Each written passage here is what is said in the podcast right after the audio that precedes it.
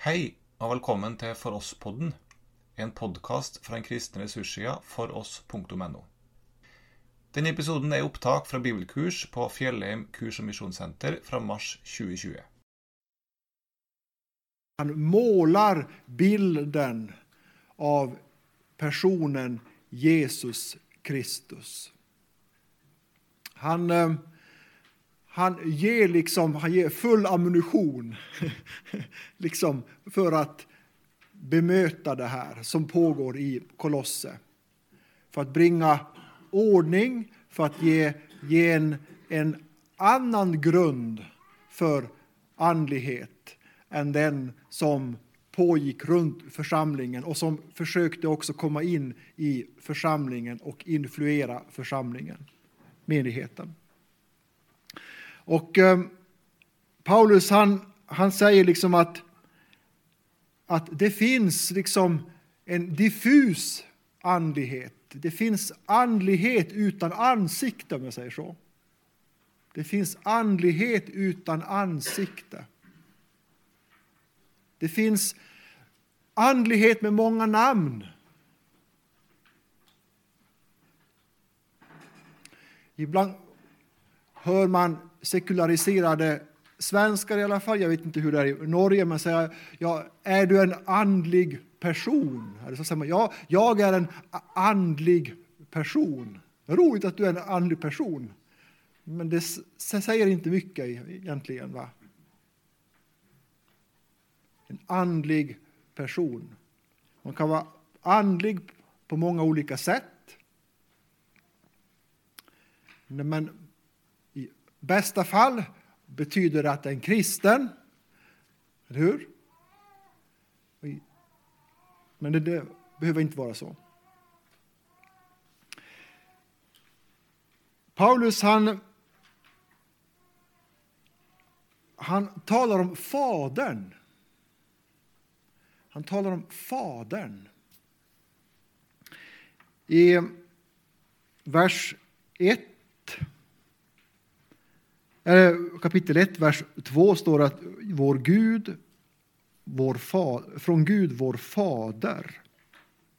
I vers 3 säger han, vi tackar alltid Gud, vår Herres Jesu Kristi Fader. I 12 står det också, med glädje ska ni då tacka Fadern. Först skulle jag vilja säga någonting om det här med, med att om Paulus, han, han, han tackar Gud. Det är någonting eh, eh, annorlunda, speciellt, det är någonting särskilt med den kristna tron. Eh, det finns en tacksamhet. De kristna lever av tacksamhet. Tacksamheten driver en kristen människa fram. Tacksamheten för vad Gud har gjort genom sin son. Och märk att Paulus är i fängelse och han är tacksam. Eh, han eh, sitter i en, i en liten cell, i ett litet rum kanske. Jag föreställer mig det. Kanske tillsammans med några andra medfångar. Det kanske är lågt till tak och trångt. Men han är så tacksam. Han eh, bärs av någonting mer.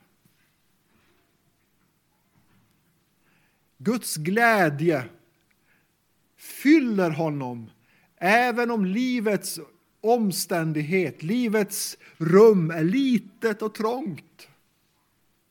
Och han tycker att det är så, kanske så lågt i tak, så är han ändå glad. Han tackar Fadern. Man skulle kanske kunna säga att han lever i en annan atmosfär. Han lever i en annan atmosfär.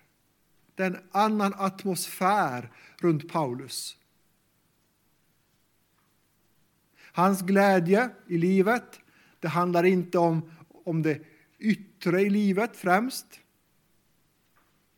utan grunden för hans glädje är något annat.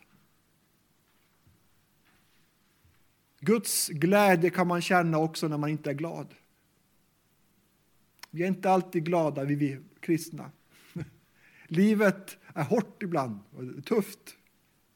Men man kan ändå vara buren av Guds glädje i sitt liv. Den bär ändå. Och Paulus han, han, eh, han är där i fängelset men han är som, det är som att hans liv har ett större perspektiv. Han har omsorg om andra. Han har omsorg om sina medfångar, står det på några ställen att han, han liksom eh, talar med dem. En del är kristna och han har en relation, han har fällskap med dem. Han har också omsorg om eh, Guds verk i världen. Också om Kolosse här när han skriver Kolosserbrevet. Och så när jag tänker kring Paulus så här så tänker jag att Tänk hur många människor idag som bygger sitt livsprojekt. Bygger sina projekt i livet. Men är ganska ensamma, alene. Paulus, han är med i Guds stora projekt. Han har ett annat perspektiv, en annan atmosfär. Han får få vara med i Guds projekt. Även om han just idag är inlåst i ett fängelse. Han är inte ensam. Han tackar Fadern. Han är buren av en tacksamhet.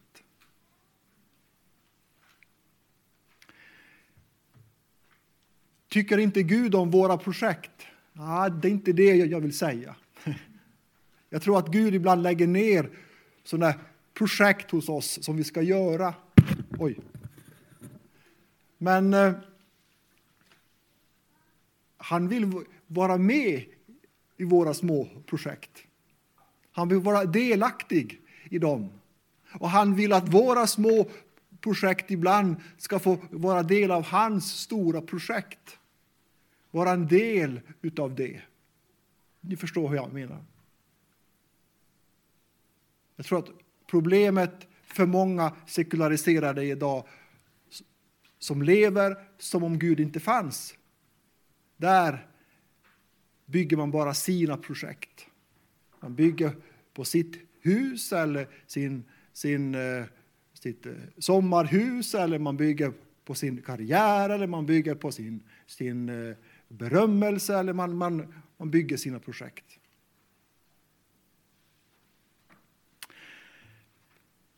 Eh, Paulus han, han talar med Fadern, han har en relation till Fadern. En relation till Fadern. Han tackar Fadern. Det gör Jesus också. Hela Johannes evangeliet. Jag vet inte hur många Bibel verser det finns som handlar om Sonen och Fadern, Jesus och Fadern. Den kanske mest kända är Jesus när han säger Jag är vägen, sanningen och livet. Ingen kommer till Fadern utom genom mig.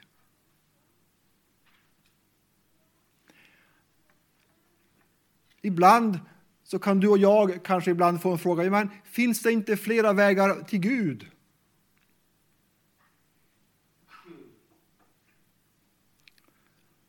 Och det, det märkliga är att Jesus, han talar inte om vägen till Gud, han talar om vägen till Fadern. Jag, genom mig, säger han, jag är vägen till, till Fadern. För den ende sanne guden. Så står det i Johannes evangeliet. Och detta är det eviga livet, att lära, lära känna dig eller känna dig, den ende sanne guden och han som han har sänt, Jesus Kristus. Vägen till Fadern. Man kan säga att Fadern har presenterat sig genom Sonen. I Sonen har Fadern fått ett ansikte och ett namn. I Sonen har Gud fått ett ansikte, ett mänskligt ansikte. Han som var sann människa, men också sann Gud. Ibland så, så om vi samtalar och så, så, där, så blir det samtal om någon människa, medmänniska, så kan vi säga Känner du honom? Känner du henne? Nej, kan man säga. Ja, na, till namnet, säger man. Till namnet, eller jag vet hur hon ser ut. Men jag har ingen personlig relation till honom eller henne.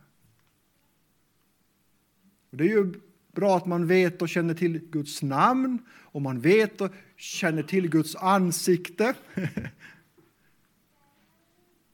Men Gud vill att vi ska lära känna Gud djupare, få en personlig relation, för det är möjligt genom Jesus Kristus. Ska jag be bröderna där bak att ta fram den norska texten så ska vi gå in i några versar.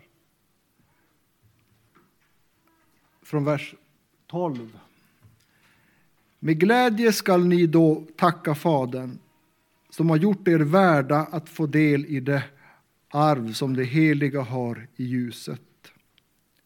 Han har frälst oss från mörkrets välde och fört oss in i sin älskade Sons rike. I honom är vi friköpta och har fått förlåtelse för våra synder. Han är den osynlige Gudens avbild, förstfödd före allt skapat. Ty i honom skapades allt i himlen och på jorden, det synliga och det osynliga, tronfurstar och herradömen, makter och väldigheter. Allt är skapat genom honom och till honom. Han är till före allting och allt består genom honom. Han är huvudet för sin kropp, församlingen. Han är begynnelsen, den förstfödde från de döda, för att han i allt skulle vara den främste. Ty Gud beslöt att låta hela fullheten bo i honom och genom honom försona allt med sig sedan han skapat frid i kraft av blodet på hans kors. Frid genom honom både på jorden och i himlen. Paulus han säger att Fadern har gjort någonting.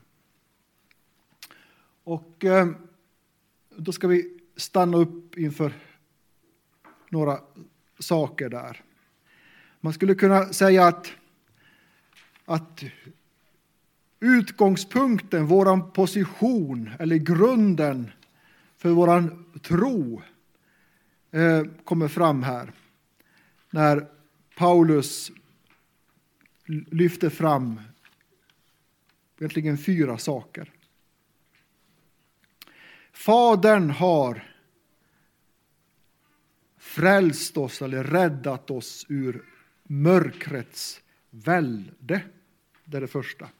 Ur mörkrets välde. Vi känner till Bibelns begrepp om ljus och mörker som två motsatser. Eh, ibland när man ska eh, förklara någonting, vad, vad är ljus för någonting? Vad, vad är mörker för någonting? Så, kan man ibland göra som, som alla gör. Man tar fram sin telefon och googlar, eller hur? Det är en bra tjänare, men en dålig herre, eller hur? Man kan googla på sin telefon. Eh, man googlar på ljus, ja, då får man upp en massa saker. Det står om ljusets hastighet och det står om alla möjliga definitioner. Men har du googlat på mörker? Du får ingenting.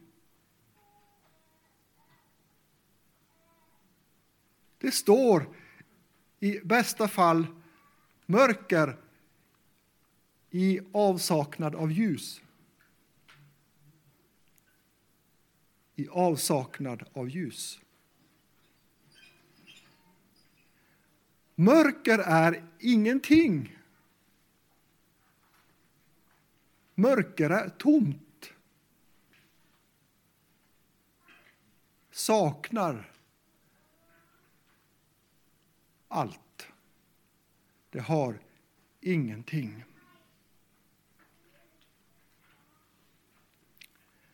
Man skulle kunna säga att eh, Fadern genom Sonen har räddat oss ur mörkrets välde, det vill säga ett liv utan mening. Utan eh, innehåll, utan verkligt innehåll. Utan hopp, utan framtid och framförallt utan ljus. Mörker är ingenting.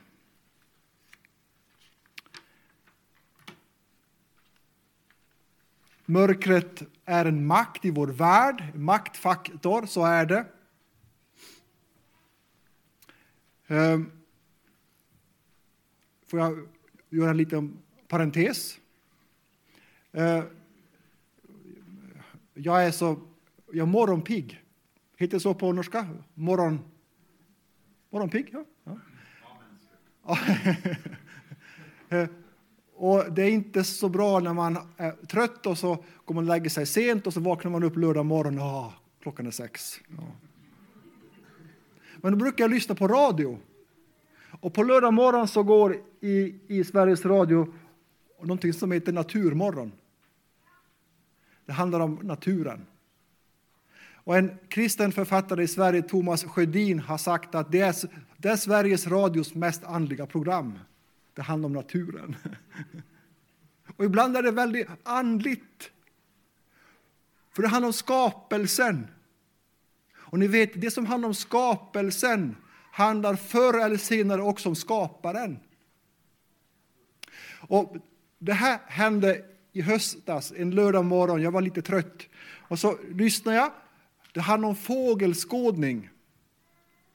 Ornitologer var ute och skådade fåglar i Stockholm. Och de hade fått eh, i oktober och eh, november månad väldigt många observationer på fåglar som sjunger som om det vore vår. Är ni med? Bland annat kol, trasten, det heter svart... Eh, ja, svarttrosten. Ni vet, det sjunger på våren, men de hade ljudupptagningar på svarttrosten som sjöng som om det vore vår. Och där satt de biologerna och försökte svara. Vad va, va, va är det här? Och det var någon som sa, ja det kanske har med artificiellt ljus att göra. Ni vet i städer, mycket ljus och sådär. Men varför just nu? Det har ju varit, vi har ju haft belysning i många år. Sen vi fick elektricitet. Varför sjunger de nu? Ja, det vet vi inte. Då var det en som sa att ja, det där stämmer inte för att förra hösten den var ovanligt mörk. Jag tror Malmö hade fyra soltimmar på en hel månad i Sverige. Det är inte mycket. Och så var det en annan biolog som sa så här att ja, det här med ljuset är ju viktigt för att på våren när ljuset är på väg så känner fåglarna av det och hormonnivåerna går upp och de börjar sjunga. Och då sa han det som jag väntat på. Att när ljuset är på väg så kände skapelsen av det. För det är så mörkt.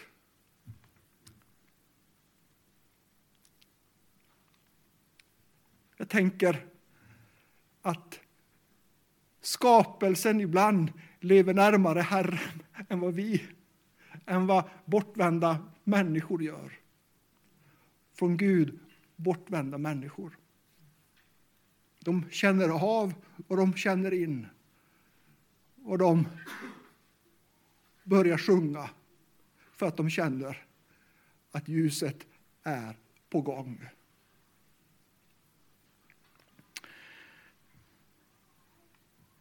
Vi behöver inte höra till mörkret, utan han har räddat oss ur mörkrets välde.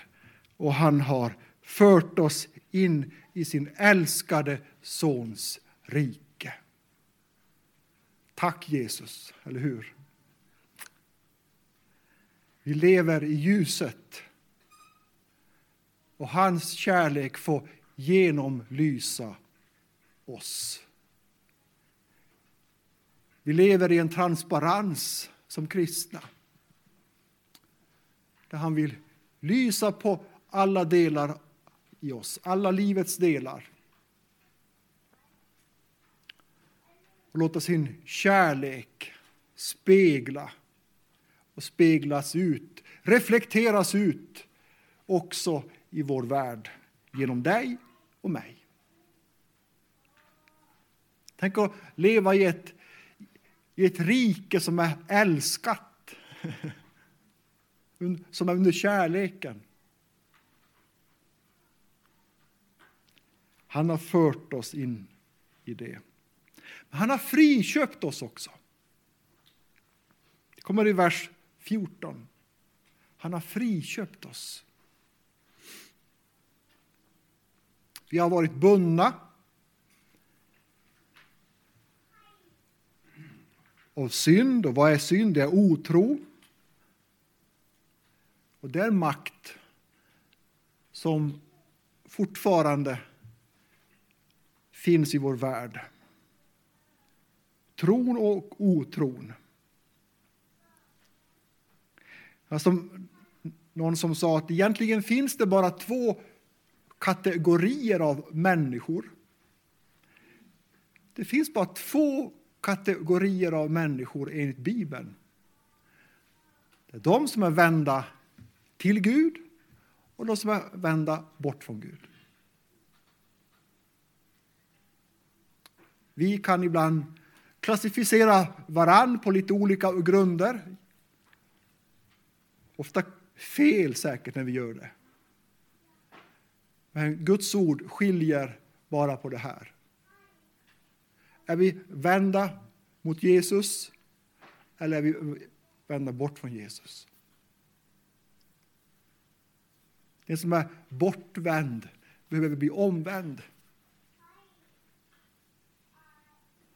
För Jesus har friköpt också honom, också henne, hela mänskligheten på korset genom sitt blod. Till att vara fri. Att leva i den älskade Sonens rike. Fri från mörkret, att leva i ljuset. Vi som är ljusets barn och dagens barn, säger Paulus på ett annat ställe. Ljusets barn och dagens barn. Vi tillhör inte natten, utan vi tillhör dagen. Och så har vi fått förlåtelse för våra synder. Det är det bästa. Att man är en förlåten syndare. Trots att man kan känna den här spänningen i sitt liv mellan ont och gott så får vi säga som, som Luther, samtidigt syndare och rättfärdig. Simul justus et peccator, sa han. Samtidigt syndare och rättfärdig. Förlåtelsen. Tänker att vi, vi kristna har en skatt i förlåtelsen. En skatt som, som världen tränger men inte finner. Som många människor skulle må väldigt, väldigt gott utav. Att få ta emot Guds förlåtelse. Ibland kan vi behöva gå till psykolog, ibland till, kanske till en psykoterapeut, och det är bra. Men det kan inte ge förlåtelse. Det är bara Jesus som kan ge den. Han kan också förmedla den genom en annan människa. Att man faktiskt får vara säker, övertygad om att mina synder är mig förlåtna. De är mig förlåtna.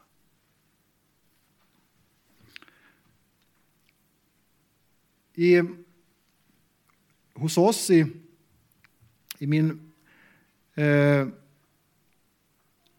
där jag är hemma i kommunen så brukar vi samla skräp på våren.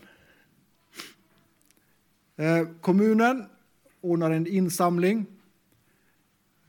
Människor får eh, ställa ut eh, trasiga, gamla grejer som, som de vill kasta, slänga vid vägen och så kommer en stor bil och plockar upp allt. Och så på, på stora eh, återvinningscentralen, vad heter det på norska? Heter det så? Ja. Järnvinningscentralen, så är det öppet hus, man får komma dit när man vill och så där. Och jag, någon gång när jag var där, vet, vi, vi samlar på oss mycket, det gör i alla fall jag. Och så tänker man, men vi var ju där förra våren också, nu, vi, nu ska vi dit igen. Och vid, vid något tillfälle när jag var där så var det kö. Folk hade släp, bil med släp och ja, jättemycket grejer. Och så stod han, han som är chef, daglig ledare där på, på, på järnvinningscentralen och sorterade, ja det ska dit och det ska dit och sådär. Han sa aldrig nej. Utan han tog emot allt. All skräp. Och så blev det samtal om det här hemma vid, vid bordet och så började vi tänka att men, han är ju som Jesus. Han tar emot allt. Han säger inte nej, det där kan du inte komma med, det där är för stort. Eller nej, det här, nej, det här är för tråkigt, det här, nej. Utan han tror att den där killen heter Göran. Jag, sa till och med till honom att du, du är nästan som Jesus Göran, du tar emot allt. Han började skratta lite, men jag, jag, jag menar allvar. Jesus förstår. Om någon förstår dig och mig så är det han. Om någon förstår dig och mig så är det han. Han står där, även om vi kommer för tusende gången med samma sak. Så, ja, kom. Kom till mig, säger han. Kom till mig. Ibland så vill han sortera lite och säga, ja men det där ska dit. Den här synden har ett namn, det ska vi lägga dit. Men han tar emot det. Och han befriar mig från mitt skräp. Det som har gått sönder. Det som bara gör mitt liv eh, svårt. Och så när jag har fått vara där, inför honom, hos honom, så är jag så lättnad. Jag är så lättad. Och man kan nästan känna en sån där lättnad när man har varit på järnvägsvinningscentralen också, eller hur? Man får åka därifrån med tomt släp. Så är det med Jesus också.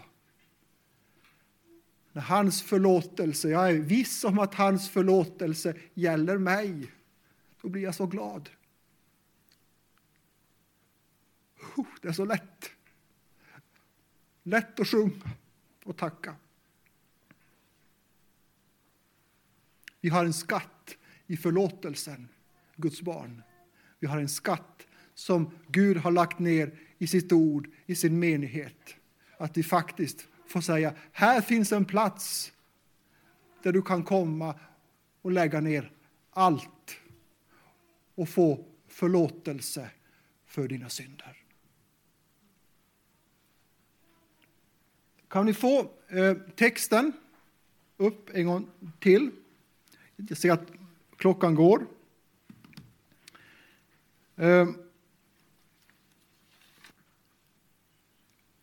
Vi ska göra en, en, ehm, en liten ehm, en fördjupning, men det tar vi efter lunch. Kan vi komma till eh,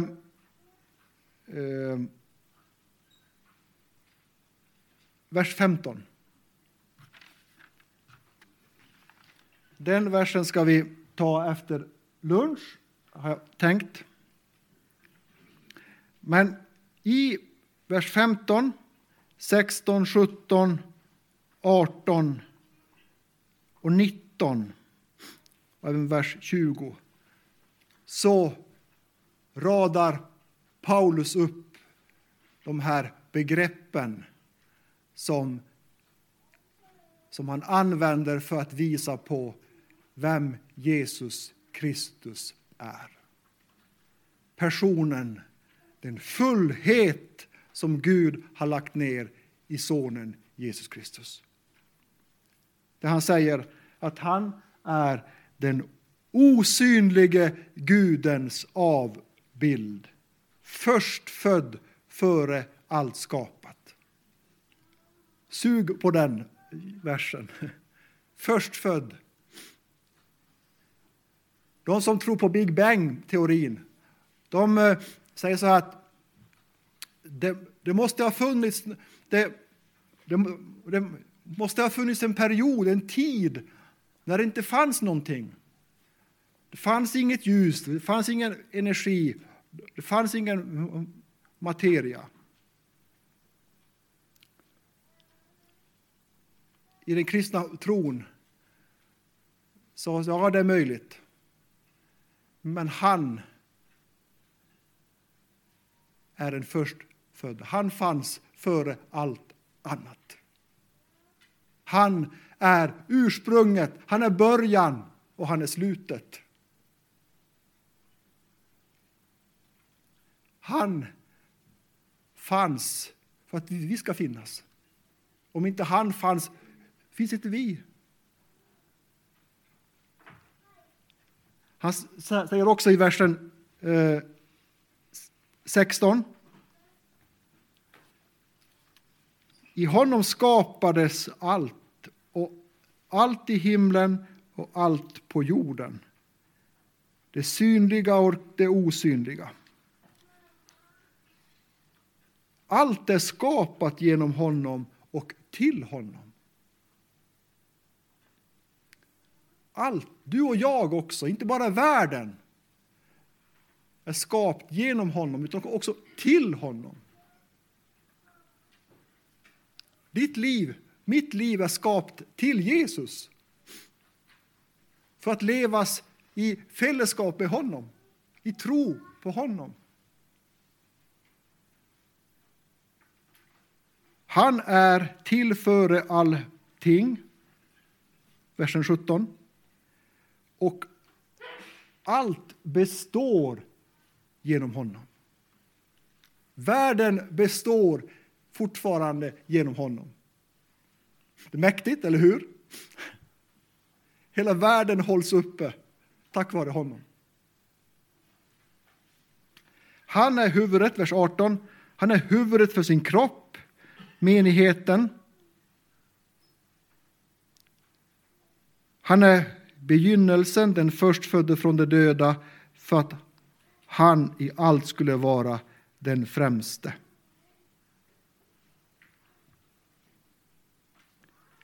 Till Gud, vers 19, till Gud beslöt att låta hela fullheten bo i honom och genom honom försona allt med sig. Där har vi liksom det här helheten, fullheten. Allt det fragmenterade, allt det som är liksom eh, söndrigt, allt har sin fullhet, sin, allting är komplett, allting blir helt. Allting är försonat och kan bli försonat i honom. Eftersom han har skapat frid i kraft av blodet på hans kors frid genom honom både på jorden och i himlen. Tänk att vi kan ha frid redan på jorden. Ja, den friden, den tänker jag, den, den är inte riktigt så, som den i himlen, men, men det är en försmak, en försmak, en början, en förstlingsgåva av himlen. Att ha frid. Att också ibland känna frid. Ibland när man pratar, samtalar med människor så tänker de att frid, det är när det är tyst. I skogen, där, där är det, i naturen, då får jag fred för det är att det är tyst. Och det kan ju vara så. Eller när jag går på en kyrkogård och känner jag frid. Jag är tyst. Men det är inte egentligen det som menas. Det kan vara frid, vi kan känna frid i tystnaden också, absolut. Men friden det är någonting annat. Jo, det är där allting är helt. Där kaoset, kaoset har blivit helt. Allt är liksom lagt och sammanfattat i himlen och på jorden i Jesus Kristus. I honom har vi fred. Också när det är storm ute, när det inte är tyst, utan det är storm ute, så kan vi ha fred i våra hjärtan. Därför att precis som Guds glädje, som vi sa i början, så är också Guds frid en gåva. Guds andes frukt, trons frukt. Och där källan till glädjen, källan till friden inte är i livets omständigheter utan det är Kristus som är källan till den gåvan. Och vi kan också förnimma den ibland Och min erfarenhet är att när livet är storm, när det är stormigt ute eller stormigt i mitt liv, då kan jag ändå äga frid. Och jag kan till och med mest då känna frid. Äga och känna frid. Därför att Gud ser vad vi behöver. Han som älskar oss, som har fört oss in i sin älskade Sons rike, som har friköpt oss från våra synder och gett oss förlåtelse. Panten, förstlingsgåvan, den helige Ande. Du har nu hört upptag från bibelkurs från Fjellheim kurs- och missionscenter. Du finner många andra upptag med undervisning på foross.no.